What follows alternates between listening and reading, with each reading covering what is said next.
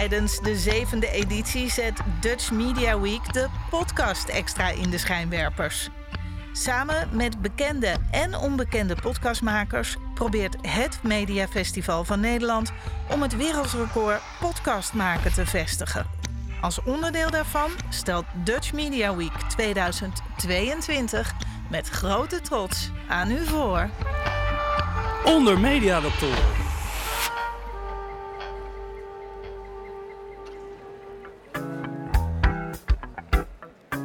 Deze podcast wordt mede mogelijk gemaakt door Code Clear. Duidelijk over websites en design. Beste luisteraar, we bestaan 10 jaar. Vanuit Amsterdam is dit Onder Mediadoktoren. De podcast waarin communicatiewetenschappers zich verwonderen over de media.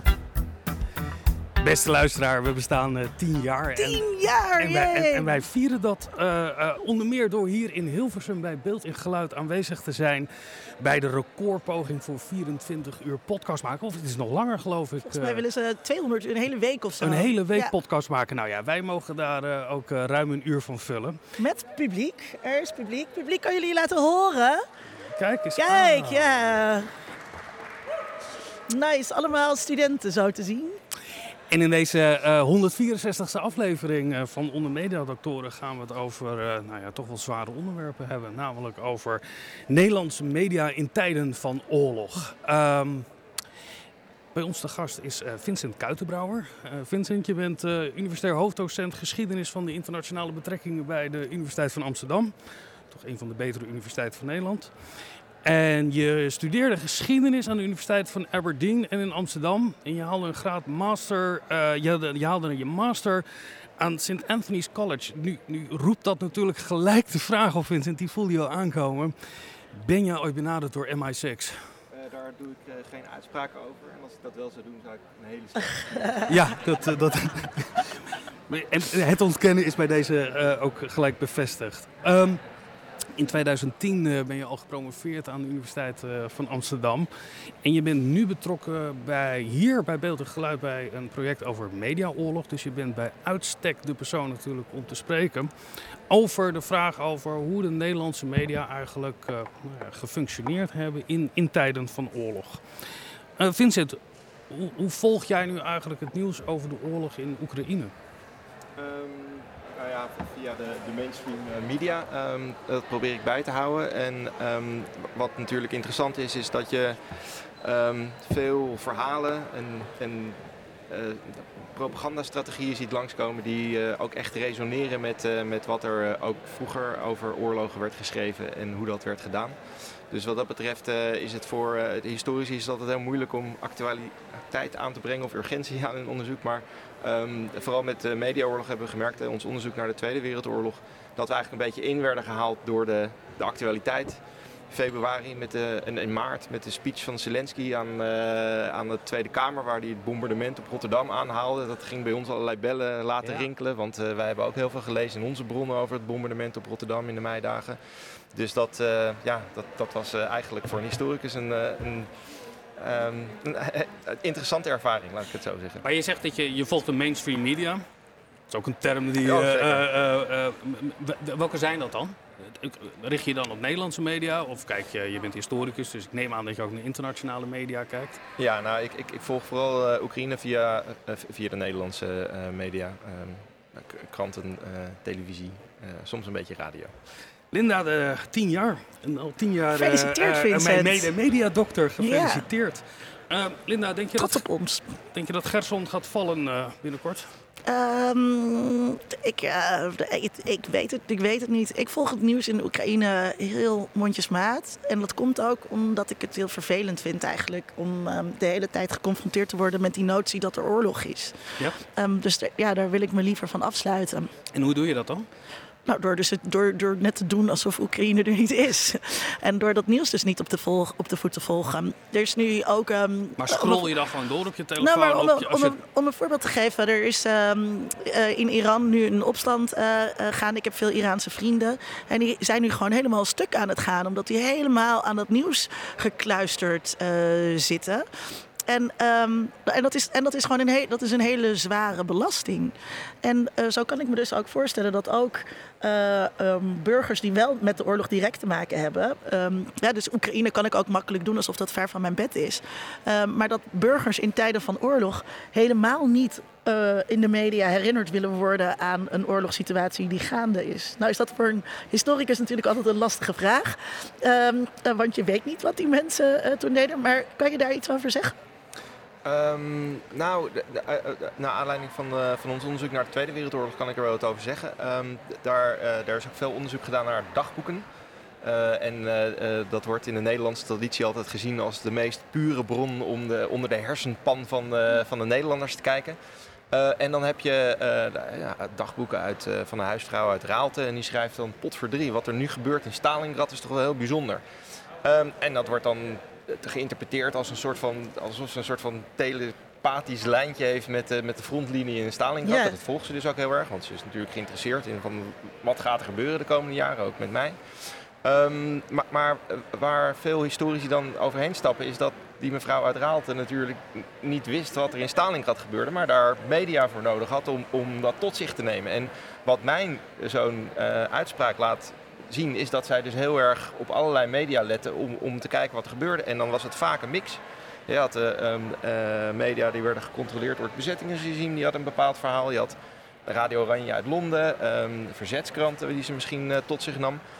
En wat je vaak ziet is, is eh, in dat soort dagboekfragmenten is dat mensen gewoon een mix maken tussen de verschillende media en de verschillende verhalen die ze horen en, en daar een beetje een eigen... Maar dat is niet wezenlijk anders dan wat wij nu doen. Nee, toch? absoluut. Ja. Nee, nee, nee. Ja, wij doen het nu digitaal en mensen deden toen analoog. Dat is Ja. misschien het eh, grote Maar verschil. dat, maar dat is wel eh, interessant om dan, om dan te zien eh, wat, voor, wat voor betekenisgeving zij heeft aan die media. Maar eh, als historicus moet je dan dus vervolgens ook wel gaan reconstrueren.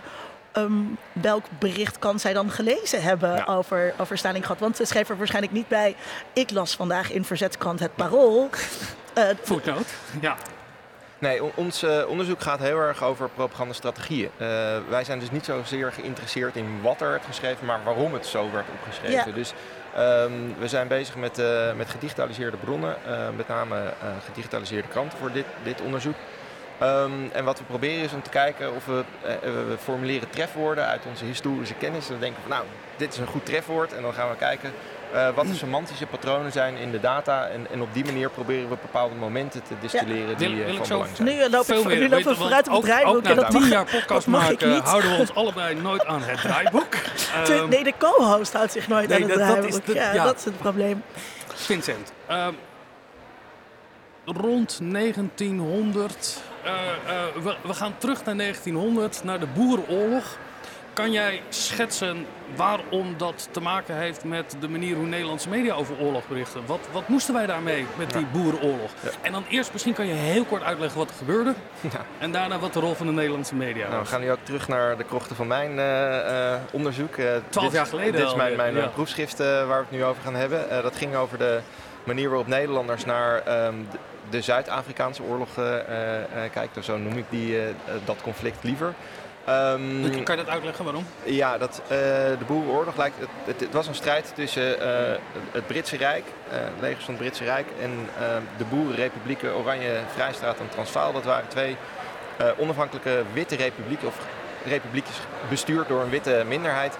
Ehm, die afstammelingen waren van VOC-kolonisten die in de 17e eeuw naar eh, Zuid-Afrika toegekomen waren. Die waren in de loop van de 19e eeuw de binnenlanden ingetrokken, omdat Kaap werd Brits. Ehm, en, ze wilden zich niet onder het Britse bestuur eh vleien. En ze stichtten daar twee republiekjes. Ehm, en ze probeerden daar een eigen identiteit vast te houden. Ehm, en dat werd vanuit Nederland gezien als een, als een Nederlandse identiteit. Nou, ehm, en, dus dat de boeren stonden dus eigenlijk voor een super Nederlander in, in het, aan het einde van de 19e eeuw. Ehm, en wat er, om even terug te komen op de vraag, ehm, moeilijk is aan die term boerenoorlog, dan, dan focus heel erg op die ident- identiteit. Waarom ik liever de term Zuid-Afrikaanse oorlog gebruik is, eh, het, het ging namelijk meer, eh, die oorlog ging om meer dan die identiteit zelf. Het ging heel erg over de vraag welke vorm van wit minderheidsbestuur dominant zou worden in de regio. Brits of eh, boeren, eh, of Afrikaners, noemen zichzelf ook. Ehm, en eh, uiteindelijk is het dus Brits geworden, dus onderdeel geworden van het het Britse is de, ene kolonisator die tegen de andere kolonisator Ja, vecht. zo zou je het kunnen zien. En, en daarom, kijk, en dat had natuurlijk ook effecten, die oorlog, voor de levens van zwarte mensen die er woonden. Ehm, dus, en en het heeft ook effect gehad op uiteindelijk de staatsvorming van Zuid-Afrika als een uniestaat. Het waren eerst dus allemaal kleine lapjes, eh, koloniën en republiekjes. En dat is nu de Unie van Zuid-Afrika geworden. Dit is de oorlog die Zuid-Afrika vormde, zoals het in de 20e eeuw en, en voor een groot deel in de 21e eeuw ook is. Dus daarom vind ik de term Zuid-Afrikaanse oorlog Hoe- prettiger. Hoe een oorlog gaat heten is natuurlijk ook eh, eh, een sterk staaltje framing en propaganda. Zeker, en wie zeker. daarin de doorslag mag Want geven. eh, we hadden het net over de oorlog in Oekraïne, maar het is natuurlijk de speciale militaire operatie. ja, precies. Ja. Dat- ja, ik heb ook wel eens gelezen, wanneer werd er voor het eerst gesproken over de Tweede Wereldoorlog? En wat een pessimist was dat wel of niet, als je dat als eerste coint. Over die, eh, de, de Nederlandse pro-boerenbeweging was er in Nederland. Eh, en die, wat deden zij? Wat gebeurde daar? Nou, die, eh, kwam op aan het einde van de 19e eeuw in de context van de Scramble for Africa. Dus het land roven, de ra- land, ehm, de, kolonisatie van, van- Afrika. En het idee kwam op hè, dat de Britten de identiteit van die boeren be- bedreigden. Ehm, en en dat die identiteit in stand gehouden kon worden als de banden tussen Nederland en, Zuid, eh, en, en die republiekjes in, in, Zuid-Afrika, als die versterkt zouden worden. Eh, cultureel vooral. Ehm, dus eh, er gingen veel Nederlanders gingen naar die republiekjes en vooral Transvaal gingen ze naartoe om een bijdrage te leveren aan de modernisering van, van, de republiek. Om, om onafhankelijk te blijven, om beter bestuur te brengen naar Zuid-Afrika. Of zoals zij dat zagen, beter bestuur. Ehm, ook om een bijdrage te leveren aan onderwijs de- in de Nederlandse taal. Ehm, om eh, een spoorweg te bouwen, zodat ze niet afhankelijk zouden zijn van eh ehm, de- de spoorwegen van de Britten. En dus op allerlei manieren werd eigenlijk, ehm, raakte Nederlanders betrokken bij die staatsvorming eh, in Transvaal. Met het doel om daar dus een onafhankelijk stukje Nederland onder het Zuiderkruis En was dat een, eh, een, echt een door de overheid gesteunde beweging? Of waren dat een groeperingen binnen Nederland? Nee, dat was vooral een, een, eh, een, een civil society beweging. De Nederlands-Zuid-Afrikaanse vereniging speelde daar een grote rol in. Ehm, wel veel prominente politici waren daar wel aan ge- gelieerd. Vooral vanuit de liberalen en de protestante zuil. Maar officieel heeft de Nederlandse regering zich altijd neutraal opgesteld eh, in zaken van deze kwestie. Eh, interessante parallel ook met, eh, met het conflict van vandaag natuurlijk. Ja. Het Nederlands officieel geen deelnemer aan de oorlog van Oekraïne, maar allerlei steun en, en wordt natuurlijk wel oogluikend. En, Ja, is, is die parallel te zien dat de steun aan de boeren vergelijkbaar is met de steun aan Oekraïne nu? Nou, zonder in oorlog te zijn met de Britten nou, of... Het, het, ehm, nou, nu is het nog ietsje heftiger dan, dan rond 1900. eh, want de Nederlandse regering bleef inderdaad helemaal neutraal. Dus in principe deden ze ook geen uitspraken over die oorlog. Mhm. En, en dat soort zaken. Dat gebeurt natuurlijk nu wel. En er wordt ook steun verleend en er worden sancties afgekondigd. En natuurlijk de effecten van die oorlog zijn ook te voelen in Nederland. eh, eh, met, met de energiecrisis waar we nu in zitten. Dus wat dat betreft ehm, denk ik dat, dat dat wel verschillend is. Alleen ik vind het narratief van onze regering nu, waar eigenlijk heel niet duidelijk wordt gezegd of we nou wel of niet in conflict zijn met Rusland, wel heel erg veel parallellen vertonen met die situatie rond 1900. in je proefschrift schrijf je dat er een, een, een, een... Volgens mij heb je het over een stortvloed van propagandistisch materiaal dat er vanuit Nederland geproduceerd wordt. Ehm, was dat materiaal dat voor het Nederlands publiek werd gemaakt? Of was dat materiaal dat voor eh, in Zuid-Afrika... Hoe, hoe zat dat? Ehm, nou, hoe het werkte was, eh, de, aanleiding eigenlijk om, om überhaupt propaganda te gaan maken was dat eh, de Britten alle communicatielijnen uit Zuid-Afrika domineerden. Dus Brits nieuws kwam altijd eerst. En dat zie je dus als de oorlog uitbreekt in de eerste maanden, dan eh, schrijven kranten. Ja, we hebben nu al een rapport van Reuters binnengekregen, maar eigenlijk weten we niet of dit klopt. Maar we publiceren het toch maar, want we hebben geen andere informatie. En dan later kwam er dan een boot met nog wat brieven. En dan, die brieven werden dan eh, eh, op de voorpagina geplaatst van de, nieuwe perspectieven uit Zuid-Afrika. En op die manier werden eh, journalisten ook echt, die zagen zichzelf als hoeders van een bepaald verhaal. Hè, dat, dat ook naar, genoemd moest worden, omdat anders het Britse verhaal dominant zou worden. Ehm, en de eerste vorm van geschiedschrijving zou je dat kunnen noemen. Ja. En, en, en dat gingen ze ook steeds explicieter benoemen. Een commentaar uit, uit de Nieuwe Rotterdamse Courant, de NRC, eh, die noemde het een veldtocht met den pen. Eh, dus, dus er werd echt ook gedacht in, in termen van, eh, van oorlog als het ging over die, ehm, ehm, over dat soort eh, verhalen naar buiten brengen. Maar ik heb- begrijp het nog niet helemaal. Want je, je, er werd dus gezocht naar alternatieve perspectieven op wat er gebeurt in de oorlog. Nou ja, Ja. daar gaan we straks over de actualiteit daarvan hebben. Ehm, maar was dat al gericht op de Nederlandse bevolking om die steun te laten hebben voor de boeren? Of was het ook gericht op, op, op de wereldgemeenschap? Nou, daar, moet je, eh, daar zijn verschillende eh, eh, antwoorden om te geven. Eh, in de kranten natuurlijk, die waren voor Nederlanders, dus dat was heel erg gericht op de Nederlandse publieke opinie. Maar veel van die... Waarom, waarom was het belangrijk dat die Nederlandse opinie zou draaien ten faveur van? Om twee punten. Om politieke druk uit te oefenen, om toch die neutraliteit ter sprake te brengen. Maar dat is uiteindelijk niet gebeurd. Een ander punt was om geld in te zamelen voor de slachtoffers van de oorlog. Dat gebeurde op grote schaal in Nederland. Ehm, en, en een derde punt, en eh, dat heeft wel degelijk ook een internationaal punt, is, is als, als Nederland een soort van vergaarbak zou worden van al die verhalen van de boerenkant van de oorlog. Hè, dan zou je daar dus ook internationaal eh, mee de hoort op kunnen. Dus heel veel van die dingen werden vertaald in Frans, Duits, Russisch. Eh, daar werden ook allerlei netwerken ehm, eh, uitgebreid om daar ook die propaganda te verspreiden. Dat gebeurde overigens in nauwe samenwerking met de dip- diplomatieke vertegenwoordiger van eh, Transvaal in Europa, Willem Leijts. Het was een Nederlander die ook ontzettend goede contacten had in Nederland. En die werkte samen met het Algemeen Nederlands Verbond, die een, eh, daar ook een persbureau voor opzette. Hè, dus je krijgt in Europa wordt er lobby eh, Ja. gemaakt. En, en er worden ook met, met Britse anti-oorlogsactivisten worden contact, contacten gelegd.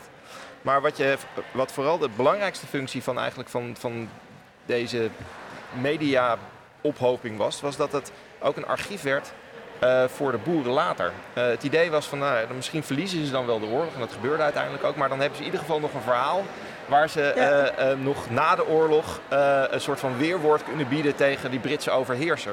Ik- ja. Ja, ik, want ik, ik vind het zo fascinerend eh, om te horen dat, eh, dat er dus zoveel propaganda was. Omdat ik propaganda dus heel erg associeer eh, met democratie. En, ehm, eh, en algemeen kiesrecht en de, in de Eerste Wereldoorlog en de burgers.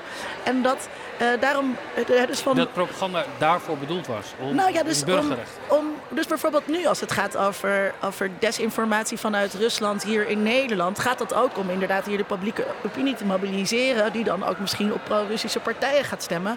Ehm, eh, en dat associeer ik dus niet met die propaganda die op Nederland losgelaten werd in die, in die boerenoorlog. Nou ja. Eh, je zou zelfs kunnen zeggen, dat doe ik eigenlijk ook wel een beetje in mijn, proefschrift, is dat in Nederland eigenlijk de grondslagen liggen voor het Afrikaner nationalisme, wat eh, een culturele stroming werd in Zuid-Afrika, die uiteindelijk heeft uitgemond in het apartheidsregime. Maar die, die steunde onder andere heel erg sterk op dat een heroïsch beeld van die Zuid-Afrikaanse oorlog. Eh, die gebaseerd was op bronnen die in Nederland verzameld zijn en in, na de oorlog met een, een politiek doel weer teruggebracht Ja, zijn naar Zuid-Afrika. Ook omdat voor die boeren die eh, oude band met Nederland heel eh, belangrijk was en is trouwens. Nou ja, of het echt belangrijk was, dat is weer een ander Ja. ding. Maar in ieder geval vanuit de ideologie werd wel dat materiaal daar naartoe gebracht. En, en die Afrikaners, die boeren gingen op in een grotere bevolkingsgroep die zich de Afrikaners noemden.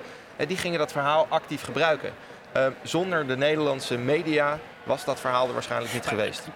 Kan je dan stellen dat, dat, dat er een... Kijk, elke gemeenschap heeft altijd zijn eigen ontstaansgeschiedenis nodig. Is dat die ontstaansgeschiedenis in dat moment ook gevormd is eh, eh, en daarvoor eigenlijk niet zo bestond?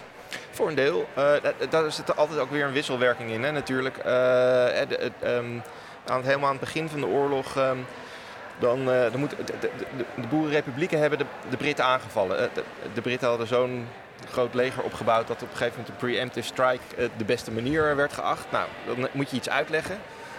waarom je eerst aanvalt. En in 1899 wordt er een pamflet vanuit Zuid-Afrika naar Nederland overgebracht. Dat heet Een Eeuw van Onrecht. En het gaat over al het onrecht dat de Britten aan de Afrikaners en aan de boeren hebben aangedaan eh, in, in het eeuw daarvoor. Dus dan is het een gelegitimeerde oorlog. Hè? Dus, dus dat narratief komt naar Nederland toe.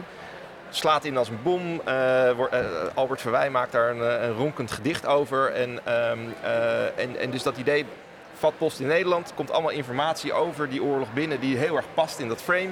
Dat wordt dus allemaal netjes opgeslagen in, in, in, in kranten, maar ook in pamfletten en in allerlei collecties. En dat wordt weer teruggebracht naar Zuid-Afrika. Dus het is echt een, een wisselwerking eigenlijk van informatie die van Zuid-Afrika naar Nederland en dan weer terug naar Zuid-Afrika gaat. Ehm, dus dat, ja, wat dat betreft, die transnationale benadering is daar heel erg belangrijk in. Zie je daar ook een, een, een vergelijk met dat er een nieuw dominant narratief komt over, als je dat nu vergelijkt met Oekraïne, wat ook vanuit Rusland historisch wordt geduid als, laten we terug naar Vlad de eh, the Greatest, hoe heet hij ook alweer, tot duizend gaat het terug om te laten zien dat Oekraïne een onderdeel Ja. uitmaakt van. Is het, moet het op die manier ook zien dat er een Ja, en, en Oekraïne heeft daar weer een narratief tegen. Hè? Want Ja. wij zijn eh, de, de originele eh, Roes. Hè? De Ja. Kiev-verhalen en de Vikingen, weet ik veel wat, worden erbij gehaald. Dus je, je, je hebt hier inderdaad ook weer een, een botsende ges, geschiedsverhalen hier eh, aan de gang. En, en, ehm, en, en ik denk ook dat, dat zo'n conflict heel erg een rol speelt in eh, weer het omhoog halen van bepaalde aspecten van een volk. eh, essentiële aspecten eh, eh, die, die dan een rol spelen. En wat natuurlijk, wat een interessant parallel lijkt me, is ook met die Zuid-Afrikaanse oorlog. Het Britse Rijk viel die twee boerenrepubliekjes aan. Het machtige Rusland valt het kleine eh, Oekraïne aan, kleine tussen aanhalingstekens. Maar we hebben hier te maken met een David tegen Goliath verhaal, wat natuurlijk in de Zuid-Afrikaanse oorlog ook heel vaak naar voren werd gehaald om, eh, om, om te benadrukken dat het een, een oorlog was voor, eh, voor recht tegen macht. En dat, dat frame, denk ik dat dat ook heel erg duidelijk terug te vinden is in de, in de huidige tijd. In je proefschrift schrijf je dat eh, in de propaganda werd er veel gebruik gemaakt, wat je altijd in propaganda ziet overigens, maar van stereotyperingen. Wie werden er gestereo... Waren dat dan de Britten die op een bepaalde manier werden weggezet als, eh, als wat? Ja, het perfide Albion. Dat was de term die eh, gebruikt werd. Een soort van eh, lange traditie van landroof en hebberigheid die, eh, die tot uiting kwam in Zuid-Afrika, maar die eh, op allerlei manieren in de, in de Britse geschiedenis ook een rol heeft gespeeld. Afgunst ook, denk ik, van een heel groot wereldrijk wat, wat, wat Groot-Brittannië was rond 1900. Eh, dat verhaal speelt vooral groot in, in, in, in Duitsland, hè, waar die ook ambities had natuurlijk Ja. eh, voor een groot wereldrijk. Eh, dus dat is het beeld wat, wat ges- geschapen wordt van, van Groot-Brittannië. Ook een corrupte regering met eh, en ehm, eh, minister Chamberlain van Kolonie was, was vooral de, de grootste boef wat dat betreft. In die ehm, eh, Cecil Rhodes, een mijnmagnaat, die eh, werd ervan beschuldigd om allerlei Britse kranten om te kopen en op te kopen om, om, om zijn verhaal eh, rond te, te pompen. Wat niet helemaal overigens zonder eh, ehm, eh, eh, link met de, de werkelijkheid was. Die man die, die kocht Britse kranten om, om zijn verhaal rond te pompen. Maar ehm, dat soort zaken worden heel erg benadrukt. Het is alleen wel zo dat die, dat vijandbeeld in Nederland nooit absoluut is geworden. Ehm, hè, dus eh, in context van Zuid-Afrika wordt heel erg gesproken van het, van het perfide Albion. Eh, op andere vlakken wordt er nog wel degelijk met, met Britten eh, samengewerkt. En uiteindelijk is, is, is die oorlog ook, he- heeft geen blijvende impact gehad op, het, op, het, op de relaties tussen Nederland en Groot-Brittannië. En als je de... eh, we zitten nu zo 1899, 1902. Ehm, is dit een keerpunt geweest in de manier hoe media werden gebruikt rond die periode? Was, wat, wat was daar bijzonder aan? Nou ja, de Zuid-Afrikaanse oorlog wordt wel de eerste eh, mediaoorlog genoemd. Ehm, het, eigenlijk, eh, de Krimoorlog zou je ook kunnen noemen. In ieder geval, de- vooral de Britten hadden, die hadden 200 eh, correspondenten in Zuid-Afrika aanwezig. Dus dat, dat was de eerste keer dat er zoveel embedded journalists eh, eh, Ja. aanwezig waren. Een ander heel belangrijk punt is telegrafie als eh, nieuwe technologie in die tijd. Eigenlijk het eerste mondiale, grote mondiale conflict dat, dat dus verslagen werd door middel van, van telegrafieberichten. Dus vooral de Britten hadden, die hadden een monopolie op die draden. Dus die konden heel snel nieuws van het slagveld eh, naar hun eigen publieke opinie brengen. En dat was echt voor het eerst dat dat kon. Ja. En, want Dus dan heeft het te maken met die eh, onmiddellijkheid die daardoor eh, ontstaat. Ja. Ja. want het lijkt me, kranten bestonden natuurlijk al een tijdje toen. eh, dat eh, het beïnvloeden van de publieke opinie, eh, propaganda. eh, ik meen van de Franse Revolutie, daar was ook heel veel propaganda die verspreid werd in de vorm van spotprenten. Ja. Ehm, maar dat was ter plaatse, dat was heel lokaal. Ja, dit, dit was echt eh, wat dat betreft mondiaal. Er werd echt meegeleefd. Ehm, en dan met alle haken en ogen van dien. Want eh, zoals in Nederland moest er vaak gewoon wekenlang gewacht worden totdat er een brief aankwam via de post of gesmokkeld. En, en dus het was vaak heel erg van, oh ja, weet je nog wel, we, we- twee weken geleden hadden we het over, over deze slag. We hebben nu nog een nieuwe bron die een nieuw perspectief erop li- ligt. Dus dat, was natuurlijk niet zoals wij gewend zijn, maar, ehm, maar die, dat, dat, dat, die telegraaf heeft echt een, denk ik, een heel grote impact gehad op eh, de gevoelens van betrokkenheid bij dit Interessant. conflict. Ja. Ehm, als je terugkijkt naar de berichtgeving toen, heb je, dan, oh, heb je het idee dat omdat die snelheid van berichtgeving sneller was, dat het ook een hogere legitimiteit kreeg? Omdat het niet een brief was die drie weken op een schip zat en vol uit een ver verleden? Nou ja, in Nederland niet, want die snelle berichten kwamen dus van de Britse kant. En, en er wordt altijd gezegd, ja, eigenlijk vertrouwen we dit niet, maar we hebben niks anders om op Ja. te schrijven. Letterlijk kom je dat tegen in, in krantenberichten. Eh, en dan komt dus dan de brief. En dan is het, nou kijk, hè, hè, eindelijk, we wisten wel dat, eh, eh, dat die Britten zich niet zo netjes hadden gedragen als ze in hun, in hun telegram schreven. Er is één slag bij Elands Laag, daar heeft, heeft ook een groepje Nederlanders gevochten. Nou, en, en uiteindelijk, is- daar is een, een ehm, eh, daar hebben de Britten hebben op een gegeven moment hebben ze op de vluchtende boeren hebben ze een eh, eh, groep eh, mensen op paarden met lansen op afgestuurd, lanciers. Ehm, en nou ja, dat, dat werd in de Britse berichten werd dat omschreven als een. eh, omdat de, boeren hadden eh, een, witte vlag opgehezen en toen weer naar beneden gehaald, toen door- gingen door met schieten. Dus dat had eh, de Britten eh, tot het uiterste getergd. Nederlandse bronnen zijn natuurlijk dat dit gewoon een slagpartij was en eh, dat daar eh, de fine fleur van de Nederlandse eh, eh, natie op het eh, slagveld acht slachtoffers eh, is gevallen. Maar dat, dat is. Dat ik, ik, want eh, nu krijgen we, we- we direct beelden eh, binnen. Die zijn helemaal onmiddellijk. Ehm, je kunt gewoon streamen eh, als Ja. er internet is. Denk je dat we dan nu daardoor ook eh, vergeten vaak dat elk beeld wat je ziet dat gefilmd is, eh, elke foto altijd ook een frame is. En dat we nu ook veel meer daar waarheid, getrouwheid van aannemen. Ja, ik, ik heb het idee dat... Of niet waarheid, getrouwheid, maar minder dat, dat we minder denken dat het minder beïnvloed is door propaganda. Ja, ik denk dat wat we nu in Oekraïne zien is eh, hoe sociale media een hele belangrijke rol zijn gaan spelen. Waardoor het eh, niet meer het, het, eh, de Arnold Schwarzkopf is die voor de televisie staat zoals in de Irak-oorlog. Maar je krijgt nu de persoonlijke verhalen van Oekraïners te zien die terugkomen in hun eigen dorp en dat bevrijd hebben en omhelst. En ja, daar wordt over nagedacht en daar zit een, eh, eh, een idee achter hoe je dat doet. En, maar ook op een, eh, dat hele so- sociale media cultuur omarmd wordt door de Oekraïners met TikTok-dansjes en... en dus, Maar- en dat we vaak- daar, en dus dat het- vaak nee, maar om even, je- Ja. die authenticiteit zit hem niet alleen maar is het echt gebeurd, maar er zit ook een soort emotionele authenticiteit in, waar, waardoor je toegang krijgt. En de tegenstanders, de Russen, continu belachelijk gemaakt worden als een, een soort bijna comedy capers-achtige eh, Maar- manier. Daar worden ook strategieën over afgesproken. Zeker. Dat wordt ook geregisseerd. Zeker. Terwijl het lijkt alsof eh, Ja. iedere burger soort van spontaan zelf zo'n filmpje Ja. eh, maakt. Eh, wordt daar ook wel gezegd, toch ook in, in bepaalde groepen wordt ook gezegd... laten we allemaal massaal dit gaan filmen. En laten we allemaal massaal dat doen. Als het gaat over bijvoorbeeld ehm de protesten hier, of de, de anti-corona-protesten hier in Nederland. Ja, en, maar ook in Iran zie je dat nu natuurlijk dat eh, het een wapen kan worden voor een beweging eh, om dat te doen. En daarom vind ik die relatie met, die, met de Zuid-Afrikaanse oorlog, dat de directheid die die Britten hadden, waarschijnlijk voor de internationale gemeenschap, een enorm voordeel was. Stel je voor dat een van de partijen, eh, dat Oekraïne eigenlijk het alleenrecht zou hebben over sociale media. Ja, maar wa- wat je ziet is wel is, is dat de Nederlandse beweging er eh, in, eh, ehm, in slaat om, om dus uit die langzame bronnen hele authentieke en eh, beelden van de gewone mensen te distilleren. En die heel erg resoneren op het Europese vasteland en later dus in dat Afrikaner nationalisme. We gaan, we gaan een paar jaar verder, een, halve eeuw verder ongeveer, naar de Tweede Wereldoorlog. We zitten hier bij Beeld en Geluid eh, en jij eh, eh, coördineert samen met Huub Wijfjes een project over mediaoorlog. Ehm, ik, ik las in jullie opzet daarvan, van wat jullie gaan doen, dat jullie willen kijken vanuit het concept van mediatisering. Kan je uitleggen waarin dat zich dan onderscheidt van klassiek historisch mediaonderzoek? Ehm, nou ja, als het gaat over media of, eh, onderzoek naar de eh, Tweede Wereldoorlog, dan zijn media sowieso een eh, totale verweesde bron.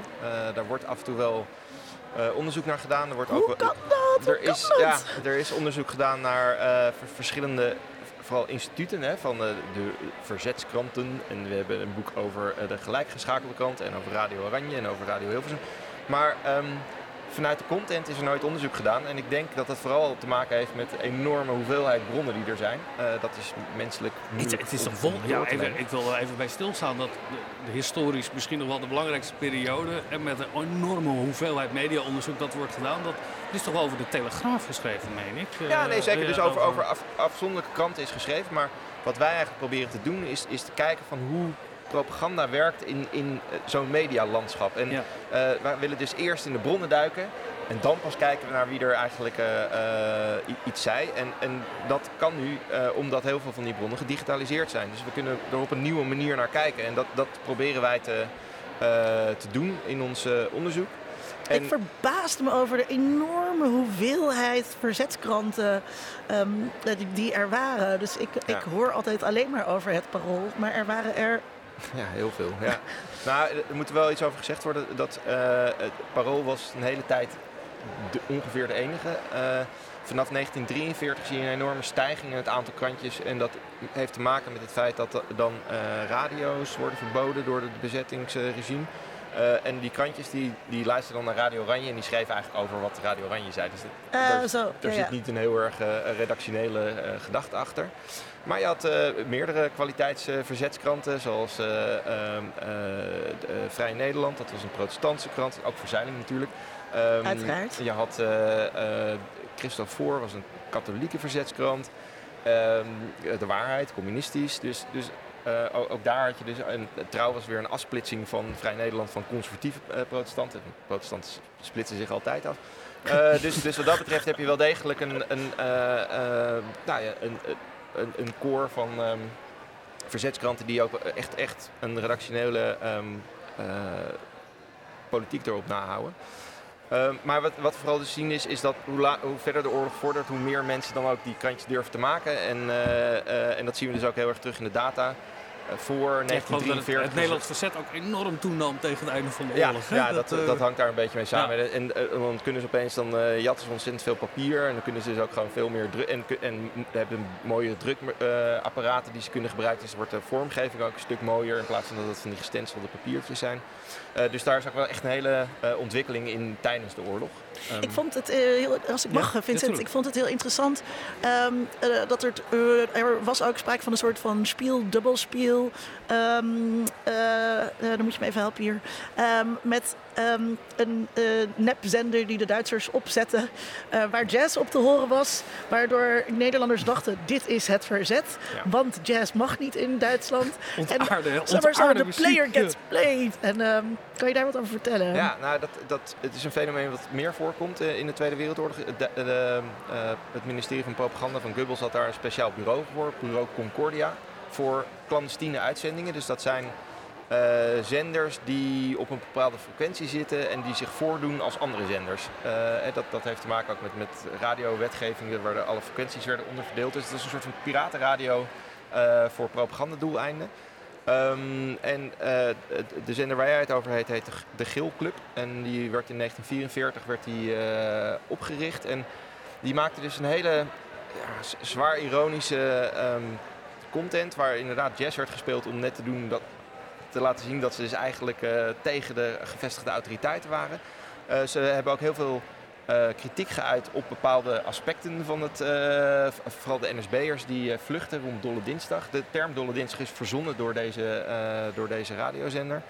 Um, en het idee was dus eigenlijk een beetje om te destabiliseren. Hè? Dus om mensen die hoopten dat ze bevrijd zouden worden, aan de ene kant een soort van hoop te geven. Maar ze zeiden ook heel vaak, ja, maar die Amerikanen die die komen toch niet. Dus uh, je hebt nu alle lafaards en de labbekakken, zo werden ze genoemd, die, die, die vluchten nu. Um, maar reken maar niet op dat die Amerikanen komen. En uh, er werden ook best wel vaak wat uh, um, neerbuigende opmerkingen gemaakt, vooral over zwarte soldaten in het Amerikaanse leger. Er was ook een krant die hierbij hoorde, De Gil. Een soort van speld in de Tweede Wereldoorlog met echt bizarre fake nieuwsberichten en, en, en heel ironisch vormgegeven. Maar ik, ik, ik denk dat daar het idee daarachter was, is dus gewoon iedereen gewoon totale verwarring te scheppen. Als een soort en, Poetin-achtige chaos, eh, ja, zei te trollen, trollen in, de, in de Tweede Wereldoorlog. Heeft Poetin, eh, eh, is hij op de hoogte van dit project? eh, Nou, het leest hij jullie inzichten? de KGB eh, eh, waar hij op, op is geleid, die heeft ontzettend goed gekeken naar de nazi-strategieën tijdens de Tweede Wereldoorlog. En die hebben daar hele handboeken over volgeschreven. Dus daar is een directe continuïteit Oh, aan te wauw. wijzen. wauw. Ja, Ja. want het, het- het- het idee over propaganda, de geschiedenis daarvan. eh, het idee, je, je kan wel een ander verhaal vertellen, maar je kan beter gewoon heel veel verhalen vertellen, waardoor de verhalen van degene die je eerst vertrouwde niet meer vertrouwt. Dus het, propaganda gaat er niet altijd om, om een beter verhaal te vertellen, maar ook te ondermijnen van de verhalen die je hoort. Nou, dat een essentieel punt in ons eh, onderzoek is, is dat propaganda nooit een eenrichtingsverkeer is. Het is altijd in relatie met de propaganda van de ander. Ja. Ehm, en, en dat zijn natuurlijk leugens en zelf vertel je de waarheid. Hè. Dus, de- dus dat zijn natuurlijk frames. Maar wat je net zei, het, het is nog ingewikkelder dan dat. Soms zie je dat een, iets werkt van de ander en dan probeer je dat ook te doen. Eh, het het V-teken is daar een heel goed eh, voorbeeld van. Dat was een, een, een idee van de, de Belgische eh, dienst van de BBC. Die hadden bedacht van nou, als iedereen nou een V tekent op, op, het, op- muren als een soort van graffiti, is een teken van verzet.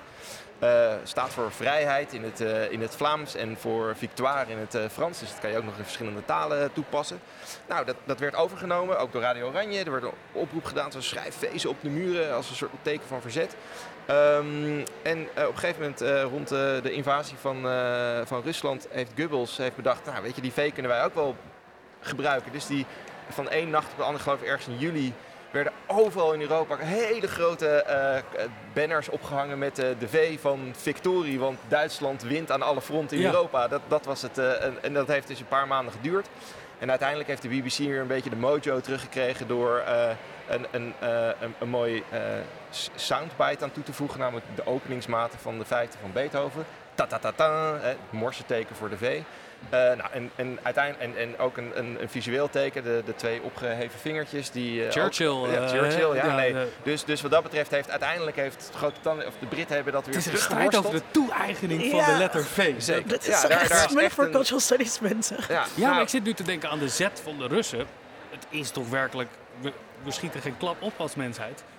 Nee. Maar ja, als je je daartegen wil, stel je voor dat dat een succesvol eh, symbool zou zijn in het Westen, om welke reden dan ook, dan, dan, dan is de strategie niet een ander teken, eh, andere letter verzinnen, maar die zet terug te eigen, Ja, toe te eigen. Ik denk dat die zet dus zo vaag is dat dat ook niet zo goed werkt. Eh, het- maar het, het is wel eenzelfde poging, denk ik. Eh, wat, het, het laatste wat ik heb, daarover heb gehoord is dat nu in Mariupol, eh, dus het bezette Mariupol, dat nu de letter I met twee puntjes eh, overal verschijnt op, op straten en gekalkt en op muren. Als een, als een teken van Oekraïns verzet tegen de Russische bezetting. Dus daar hebben ze wel degelijk gekozen om een andere letter te kiezen. Ik denk Ja. dus ook gewoon omdat die Z voor zo weinig staat dat, dat je daar niks mee kan. Ik had- me ook kunnen voorstellen dat je een, een woord met een Z, een, een lelijk eh, scheldwoord had, eh, had verzonnen en dat eh Ja. geprimed. Maar, ja, dus, het- maar ja, het lijkt dus heel erg naar wat ik net zei. Hè. Af en toe hebben we het gevoel dat we ons onderzoek vol onze ogen zien, zien Ja. afspelen. Maar met die, met die symbolen is dat heel erg sterk. Ehm, nou ja, andere narratieven die terugkomen zijn ook af en toe opvallend. Ja. Jullie schrijven in je, jullie, ehm, over jullie onderzoek dat er. We hebben heel veel kranten en eigenlijk helemaal niet zoveel audio. Eh, hoe, verhoudt, hoe is die verhouding ten opzichte van hoe er daadwerkelijk media werd geconsumeerd?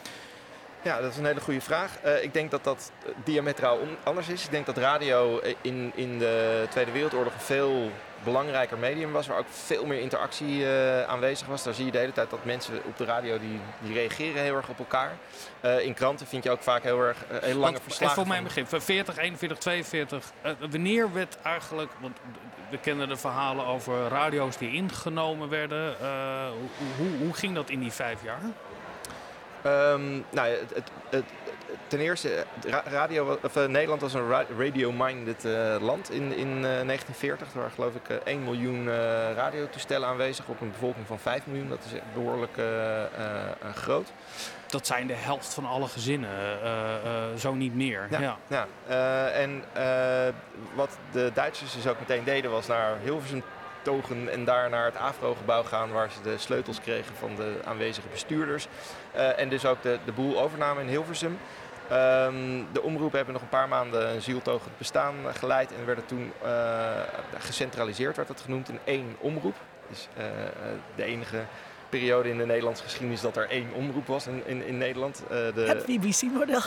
Nou, de Rijksradio uh, Nederlandse Toch omroep. ooit de ambitie uit geweest van de AVRO, hè? Dus in die zin, het, dat veel, ze het AVRO-gebouw gingen. Veel AVRO-prominenten hebben hier ook toch wel een actieve bijdrage aangeleverd. Ja. Um, en dus dat werd een, een gecentraliseerde radio waar vooral veel uh, NSB-kopstukken uh, op te horen waren. Steeds meer. het werd ook steeds meer genazificeerd. Het nieuws werd genazificeerd. Als je af en toe nieuwsberichten leest, daar hebben we transcripten van over. Daar zitten echt heel erg ideologische termen worden daarin gebruikt. Gewoon in een dagelijkse nieuwsbulletin. dus dat was, zo werd dus Radio Hilversum gecentraliseerd. en in Groot-Brittannië wilde de regering in ballingschap een, een weerwoord bieden.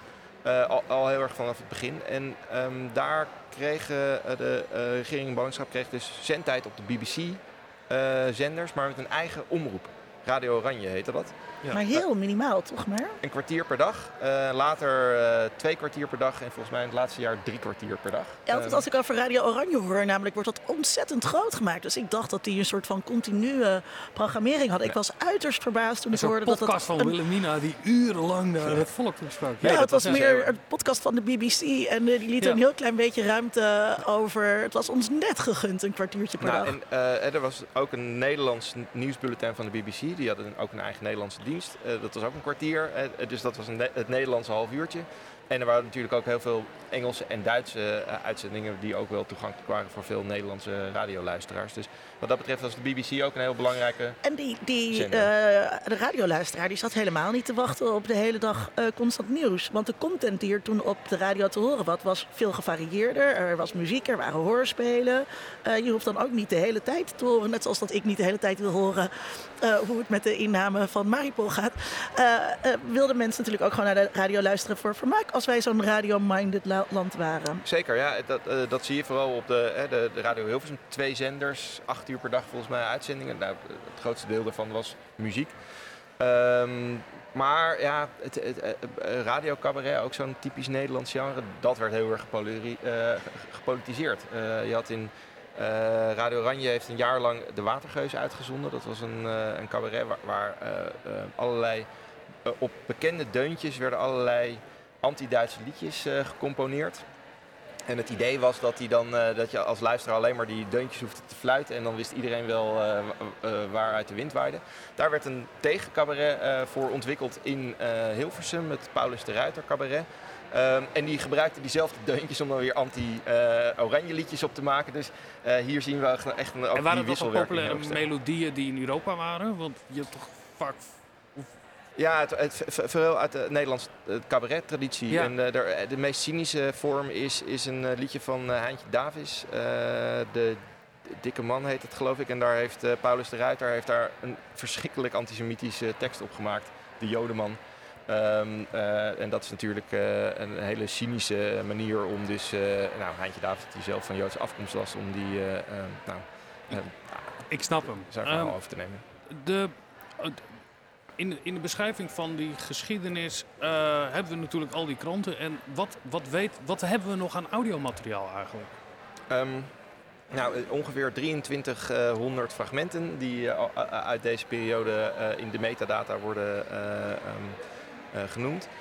En dat is ontzettend.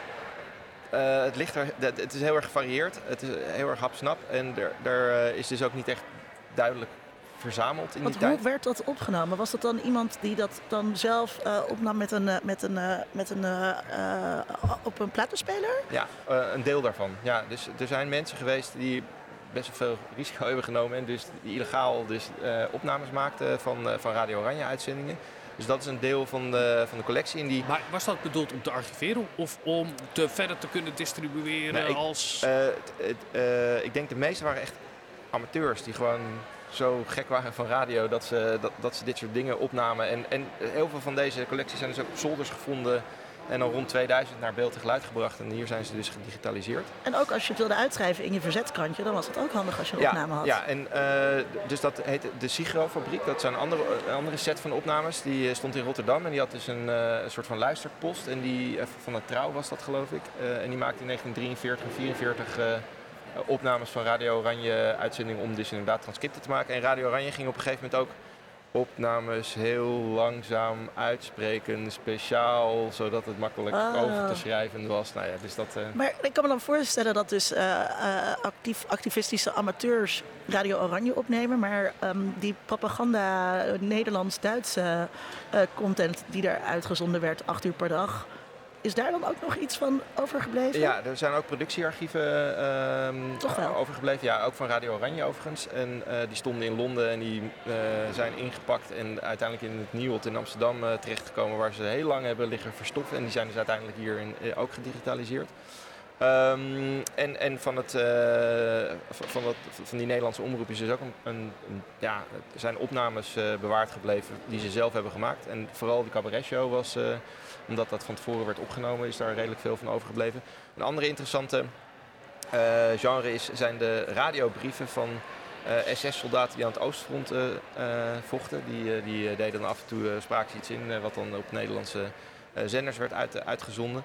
En een van die brieven is ook een persoonlijke brief, een audiobrief aan vrouwen en kinderen thuis. En daar wordt ook wel heel duidelijk dat de oorlog niet altijd heel erg interessant is. Want het was eh, vooral heel erg saai en ik moet even wachten en, eh, en dat soort dingen. Dus, dat, ehm, eh, dus ja, het, het is een totale mismatch van allerlei geluiden uit de Tweede Wereldoorlog... waar we eigenlijk heel, heel weinig chocola van kunnen maken. Soms vinden we hele mooie dingen. Maar soms denk je van, aan de hand van kranten dat je denkt van... oh wauw, hadden we maar de speech van puntje, puntje, puntje. En dan blijkt dat we dan echt ook naar geschreven archieven, papieren archieven... met teksten erin eh, moeten gaan om, om te kijken of, of we daar... eh, Ik wil nog even terug naar die eerste vraag die ik stelde over die mediatisering. Waarin onderscheidt dat zich dan... ehm, misschien moeten we eerst even met elkaar definiëren wat mediatisering is. Ja, het, eh, wij hebben het eh, opgevat als een, eh, eh, eh, een theorie of een benadering van media in een samenleving waar ehm, eh, er een wisselwerking is tussen politiek en media. Eh, en in eh, democratische landen is, gaat het vaak over hoe de media een invloed heeft op de politiek. Tijdens de Tweede Wereldoorlog was er geen vrij medialandschap, dus dat, die benadering is dan een beetje problematisch.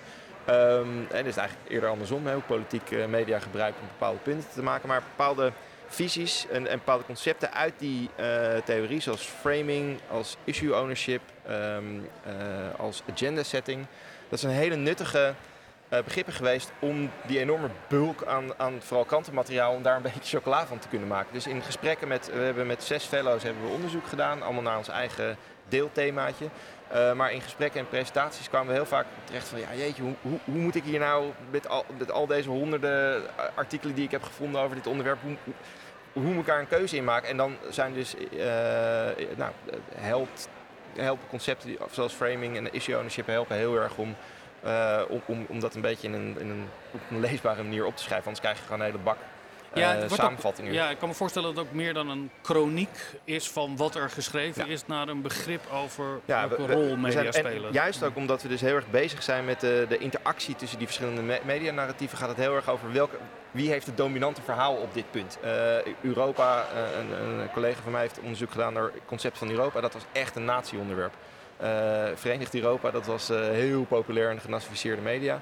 Ehm, en dat werd de hele tijd gecritiseerd wel door Radio Oranje, maar Ja. uiteindelijk was, was Europa echt zo'n zo'n ding waar de naties hun, hun ei in kwijt konden.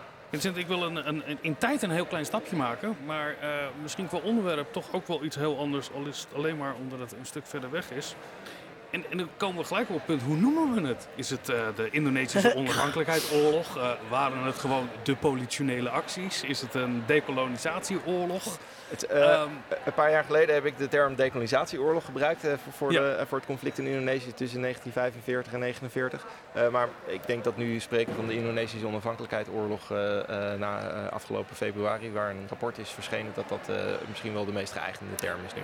Dat, dat denk ik ook. Laten we die dan ook gebruiken. Ehm, je hebt onderzoek gedaan naar de rol van Nederland gedurende de Indonesische onafhankelijkheidsoorlog. Ehm, voor de luisteraar, dat was natuurlijk een oorlog ook eh, gericht tegen de Nederlanders. Uh, Radio Wereldomroep was net opgericht. Um, wat voor rol speelde zij? Uh, de Wereldomroep was erop gericht en, en heeft ook concessie gekregen van de Nederlandse overheid. met de belofte dat ze zouden kunnen helpen om Indonesië Nederlands te houden. Ehm, en de, de baas, of de eerste directeur van de omroep, was een oude directeur ook van Radio Oranje. Die al in de oorlog was hij al heel erg voor het terugveroveren van, uh, van Nederlands-Indië. Dus daar, daar is de, omroep, radio, de wereldomroep ook echt voor opgericht om de overzeese Nederlandse gebieden... Uh... Onder andere, ja. Vooral om, het, om de Nederlandse stem over zee weer te geven, dus ook in andere landen. Uh, en het was dus niet alleen maar uitzendingen naar Indonesië, maar ook naar Amerika in het Engels. Om toch te zeggen dat het geen oorlog was, maar een police action, zoals het in die tijd werd genoemd speciale militaire operatie. ja, um, dus uh, uh, het was dus ook echt ook wel gericht op, op internationale voorlichting. Maar een belangrijk deel van, het, uh, van de programmering waren uitzendingen voor, voor Indonesië, of de Indonesische archipel. En dan vooral um, uitzendingen voor um, uh, mensen die uh, hielpen om, om Indonesië voor Nederland uh, te behouden. Of weer de White Agents noem je De White Agents, ja. ja. Dus dat zijn mensen die uit de interneringskampen kwamen van de Japanners. dus de oud-koloniale expats die daar waren. Um, en natuurlijk 150.000 Nederlandse dienstplichtigen die uiteindelijk naar Indonesië zijn gestuurd om, om daar te vechten. Wat ik interessant in je onderzoek vond is dat er een omkering op een gegeven moment Nederland, uh, Indonesië wordt onafhankelijk. Maar de wereldomroep blijft daar ook actief.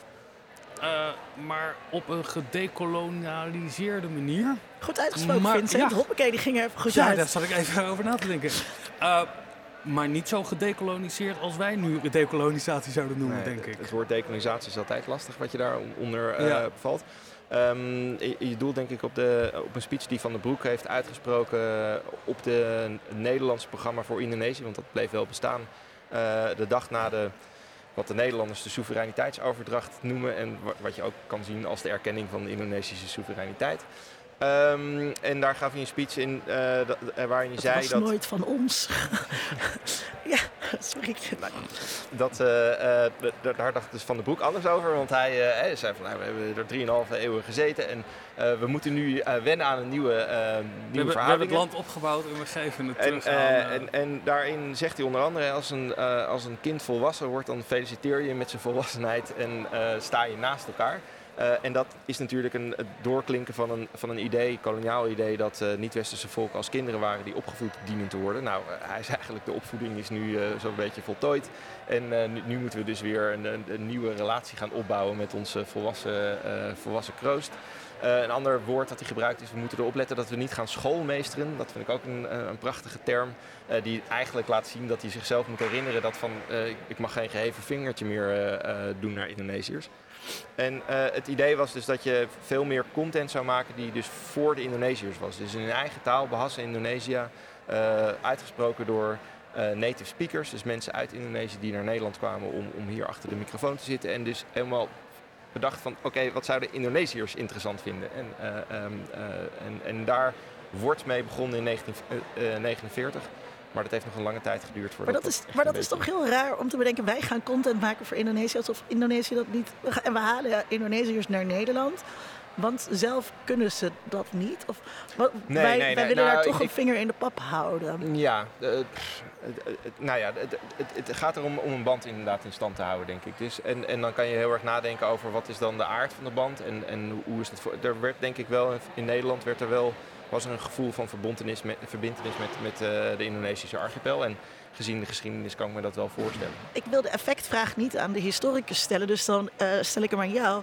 Vincent, hoe, hoe sterk denk je dat dit soort uh, radioprogramma's, vooral ook tijdens de onafhankelijkheidsoorlog, ook gekleurd hebben hoe um, Nederlands-Indiërs naar het koloniaal verleden kijken? Wij, zijn heel, wij komen allemaal uit een soort cultural ja, studies traditie waarin we dan ons altijd willen verzetten tegen ideeën ja. van, van invloed. Maar ik denk dat het, uh, ook als je verwijst naar Rwanda en wat dan ook, toch echt wel incidenten of, of voorbeelden zijn te noemen over hoe dat het beeld vormt over hoe iemand functioneert. Uh, of tenminste hoe, hoe gebeurtenissen uh, plaatsvinden. Het moeite is, je kan het, niet, je kan het er niet uitlichten. Je kan niet zeggen, als de radio er niet was geweest, dan was die onafhankelijkheid anders verlopen. Of, maar of dan keken we nu hier anders uh, terug op, um, ja, wat ik, op de Oost wat ik heel wonderlijk vind als we naar deze tijd kijken, de, met de opkomst van digitale media, was toch de gedachte dat we uit verschillende bronnen zouden kunnen putten. En als je dan een verstandige burger bent, dan kan je daar uh, dat allemaal gaan cureren en jezelf een, een, een, een, een, een goed beeld van de wereld creëren, omdat je de toegang hebt. En dan werd er woord gezegd, nou dat kon vroeger niet, want je had maar één krant of één radiozender en die dicteerde eigenlijk wat je van de wereld vond. Terwijl ik denk dat we nu al die andere bronnen hebben, dat we nog steeds een eenzijdig verhaal krijgen. Daar zit een enorme hiërarchie in van dat wat van waarde is. En dat het in die tijd ook niet één zender was die dicteerde over hoe iemand naar de wereld keek. Dus dit is een heel erg genuanceerd antwoord. En mensen praten daar, die spraken daar altijd al over. Ja, en, en die waren ook natuurlijk alternatieve uh, verhalen die verteld werden of andere bronnen uh, die er waren. En hé, hey, zit je nou per ongeluk de Duitse versie van dat liedje te fluiten? Oh, dat ja, dus, niet eens door. Je kan niet een één op één relatie ja. leggen tussen hoe het medialandschap eruit zat en hoe mensen dachten over de wereld. Uh, ook nu is niet. Is de injectienaaldtheorie onjuist? Nou, ik geef even het woord aan Vincent hierover. Nou, wat, uh, ik, wat je niet moet onderschatten, denk ik, in, in de context van, uh, van Indonesië, is, is het, alleen al het feit dat je een stem hoort uit Nederland in die tijd. Direct via je, uh, dat had een enorme impact, denk ik. en dat zie je ook echt in, in reacties. En vooral op de eerste uitzendingen na de Tweede Wereldoorlog. mensen luisteren dat in, in interneringskampen, zetten radio aan en horen een stem uit Nederland voor het eerst in vijf jaar. die briefjes zijn daar ik denk wel authentiek. Dat gaat echt over van ongelooflijk. Hè? De, de, Nederlanders daar, die spreken tegen Nederlanders hier. En uh, we hebben die stem zo gemist. En dus het is vlak de stem niet uit. En, en vlak audio niet uit als, als, als een heel erg uh, immersief uh, medium. Dat, dat, medium. Ja, dus dat is... Um, wat ik mij van die historische audiofragmenten ook kan herinneren, is dat het veel meer als een communicatiemedium ook functioneerde. Uh, er werd iets verteld aan de mensen daar. Of je moet weten, je hebt nu nog steeds hele kleine regionale zenders. Oejala in Amsterdam, fantastisch. Er wordt ook gezegd, uh, die en die mag vanavond, uh, je, je, je, moet op tijd thuiskomen vanavond herken je dat? Dat het ook een manier was om nou ja, gewoon boodschap over te brengen. Uh, er komt een schip aan. Uh, uh. programma's. met mensen die groeten inspraken voor mensen die in Indonesië zaten. Dat is, dat is een genre. En ehm, dat klinkt altijd heel erg authentiek. Maar ik heb wel een fantastische opname gevonden waar een, een vrouw in tranen uitbarst. als ze tegen haar zoon iets zegt.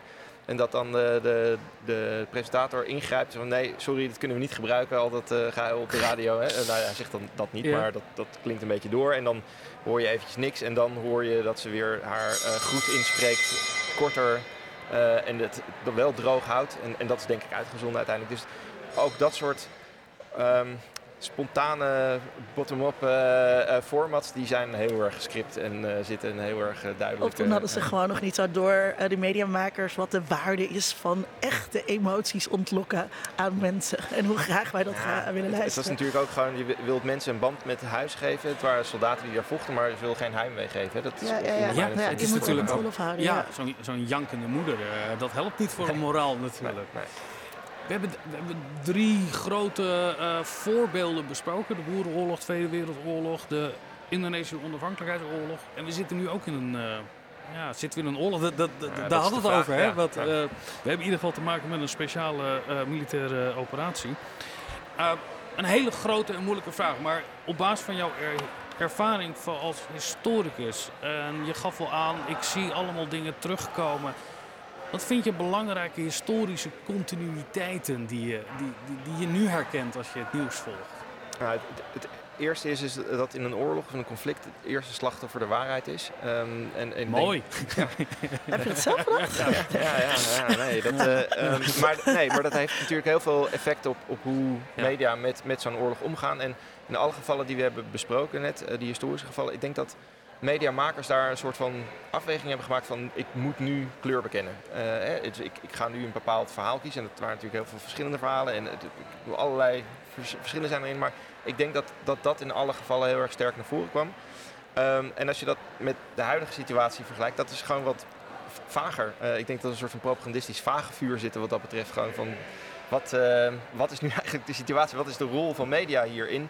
Um, uh, en en ik, nou, ik vind het opvallend. Hè. Er wordt dus netjes worden er ook uh, bericht gedaan van wat er op de, de Russische televisie te zien is. Dus wat dat betreft hoor en wederhoor.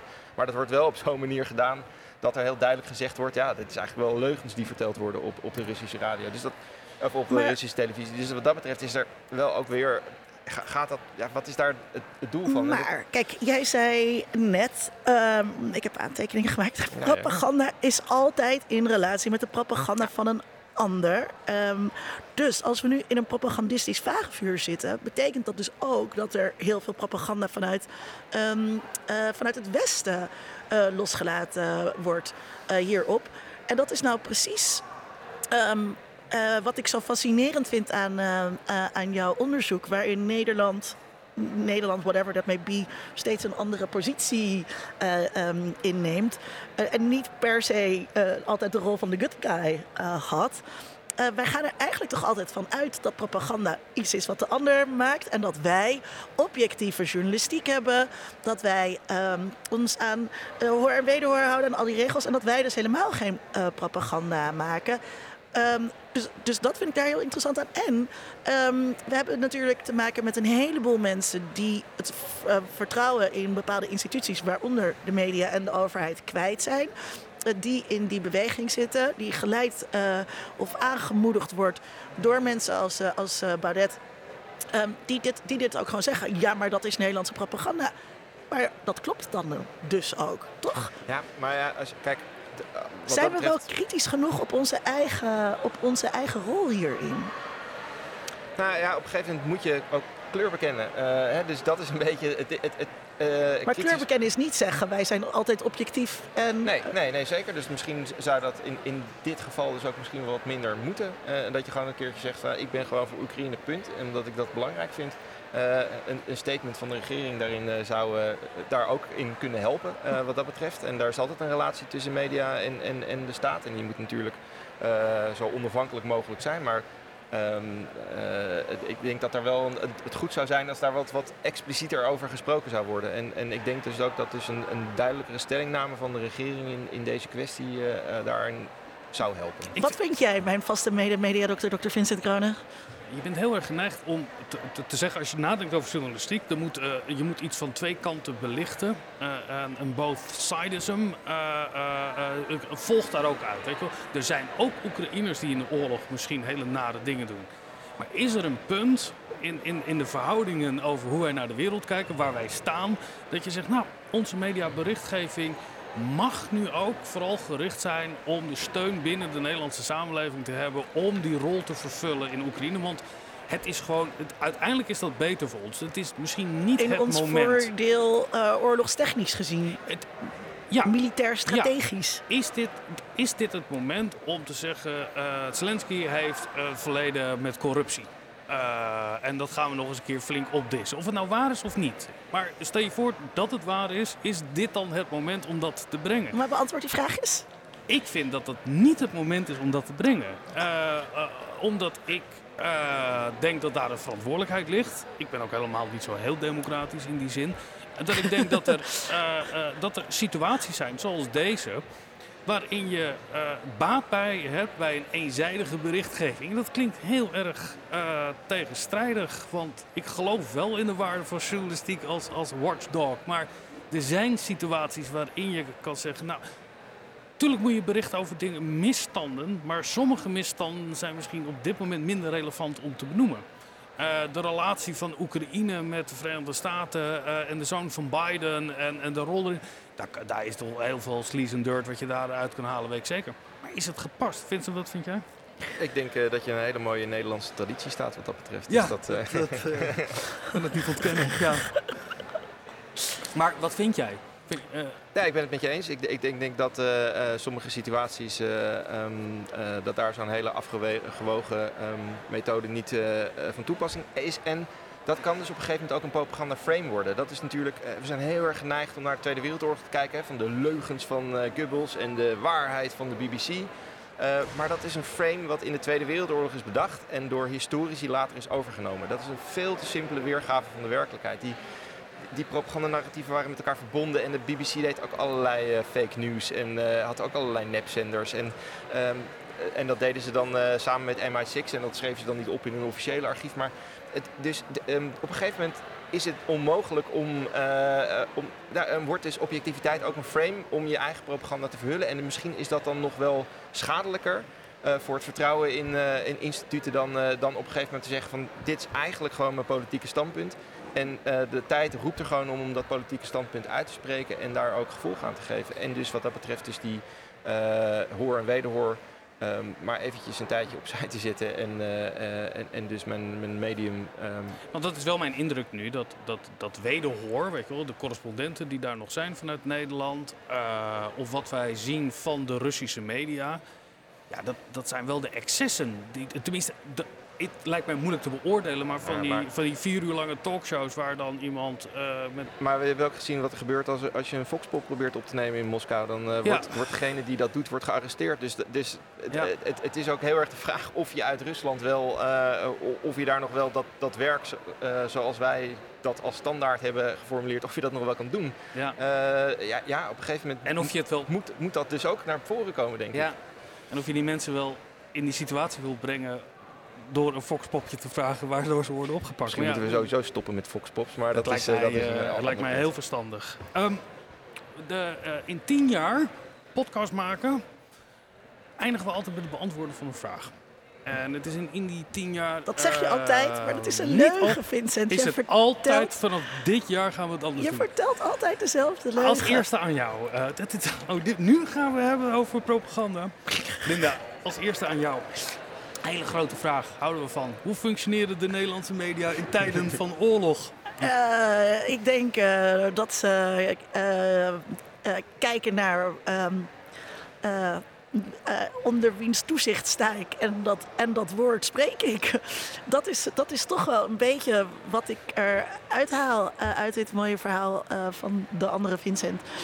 Um, ik, ik, vind het heel, heel verhelderend ook wel om te zien wat voor opportunisme uh, daarbij makers is. Ik vind dat sowieso altijd heel fascinerend. Journalisten hebben altijd hele grote vertogen uh, over objectiviteit. Maar zoals je net zei, objectiviteit is ook maar een frame. Zo objectief zijn ze uh, vaak helemaal nou, niet. Objectiviteit is soms een frame. soms een frame, ja, ja, Dus dat kan je niet altijd hard maken. En, en, en kritisch zijn op, op het eigen functioneren is nou niet een van de krachten, denk ik, van de Nederlandse journalistiek. Maak hier geen vrienden mee. Ik denk van, van, um, van alle journalistiek, dat is niet per se voorbehouden aan de Nederlandse. En ik denk dat we, uh, dat we veel uh, uh, scherper, zoals jij ook doet in dit, in dit mooie onderzoek, scherper moeten kijken naar, naar hoe die rol eruit zag. En het is helemaal niet zo hè, van naar wiens woord is het, naar wiens mond. Wiens, brood men eet, wiens, brood men eet, woord men spreekt. Dat is, dat is denk ik veel te, veel te plat gezegd. Mm -hmm. Uh, maar ik was laatst bij uh, de verdediging van een proefschrift over collaborateurs. En ik, en ik denk, ja, mensen zijn gewoon opportun in situaties van, van oorlog. En soms is het ook niet eens opportun, maar is het ook in het landsbelang, zoals je net zei. Ja, uh, ik, ik denk dat het antwoord op die vraag is denk ik dat, dat mediamakers soms met tegenzin, soms enthousiast zich met propaganda gingen bezighouden in tijden van de oorlog. Um, omdat gewoon op een gegeven moment de vraag wordt gesteld, er komt een keuze en, en je, uh, op een gegeven moment moet je aan, aan een kant gaan staan. Wat denk je zelf? nou, we zeggen aan de ene kant vind ik dat je in tijden van crisis uh, mogen de media functioneren als een instrument van macht of een instrument van de macht. Maar dan vind ik ook dat we vanuit historisch perspectief terug moeten kijken en zeggen, nou, daar zaten we, dat, dat, dit was de eenzijdigheid die daar plaatsvond. Um, maar ik vind, het, ik vind het een hele moeilijke. Ik, want ik vind dat we nu in een situatie zitten dat we het, uh, de media moeten functioneren om hier uh, steun te behouden voor wat er gebeurt. Maar ik vind ook dat de media niet het instrument mogen zijn om uh, ons eenzijdig uh, te informeren. Dus uh, hier zit een, een, een prachtig dilemma. Een, een, klassiek dilemma, vind ik. Nice. Want in die tien jaar dat wij dit programma maken, um, um, beantwoorden we soms de vraag, soms ja. beantwoorden we hem niet. Soms verzinnen we een andere vraag. Maar vaak komt er wel een soort van een, van een, een soort van nuancering uit. Ja, dit, ja of, kijk, als ik zeg het is een dilemma, vind ik niet echt een antwoord. Maar dat, dat, dat, hey, we gaan de komende tien jaar gaan we proberen daar beter in te worden. of juist niet. Ik vind het eigenlijk wel leuk zo. Vind je het niet leuk zo? Jazeker. Ja. We gaan afronden. Beste luisteraar, dit was uh, uh, aflevering 164 van de podcast onder Mediadoktoren. De redactie, dat zijn wij, Linda en Vincent. Uh, en dan bedoel ik Vincent Kronen. Maar ik bedank Vincent Kuitenbrouw voor zijn aanwezigheid in zijn interessante uh, verhaal. Heel veel dank dat je hier uh, naar Hilversum wilde komen. luister, kijk op ondermediadoktoren.nl. Daar hebben we een, inmiddels al best wel een archief. Dat vinden historici altijd fijn. Zo spraken wij al tijd geleden in aflevering 19 over oorlogspropaganda met Cees Hamelink en, en Olaf Koens. Uh, we hebben het in aflevering 41 hebben we het over subjectieve journalistiek gehad. Hebben we het net ook een beetje benoemd met Rens Vliegendhart. Uh, aflevering 63, de verbeelding van het koloniaal verleden met Pamela Patinama. Ja. En in aflevering 96 uh, over terroristenmedia met Pieter Nanninga. Ging ook daarover. Dus wil je daar meer over weten of meer over luisteren, doe dat dan. Wil je ons steunen? Word dan Patreon of vriend van de show. Ga naar de website en ondersteun ons. Uh, uh, wij gaan de komende tien jaar uh, nog door met deze podcast. Ik heb dus er nog wel zin kan, in. Ik heb er ook heel veel zin in. Heb je ideeën? laat het ons dan weten. Mail ons, Twitter. steun ons of geef aan andere mensen door om te luisteren. Ik dank de mensen hier aanwezig van de Dutch Media Week dat wij hier te gast mochten zijn. we hadden en, net een hele grote groep ja. studenten die wel aan het begin aan het juichen waren, maar die zijn nu even weg. Uh, maar we monteren gewoon het gejuich van het begin ook aan het einde. We zetten de applaus eronder. Dan weet u als luisteraar, alles is fake. Bedankt voor het luisteren. Tot de volgende keer.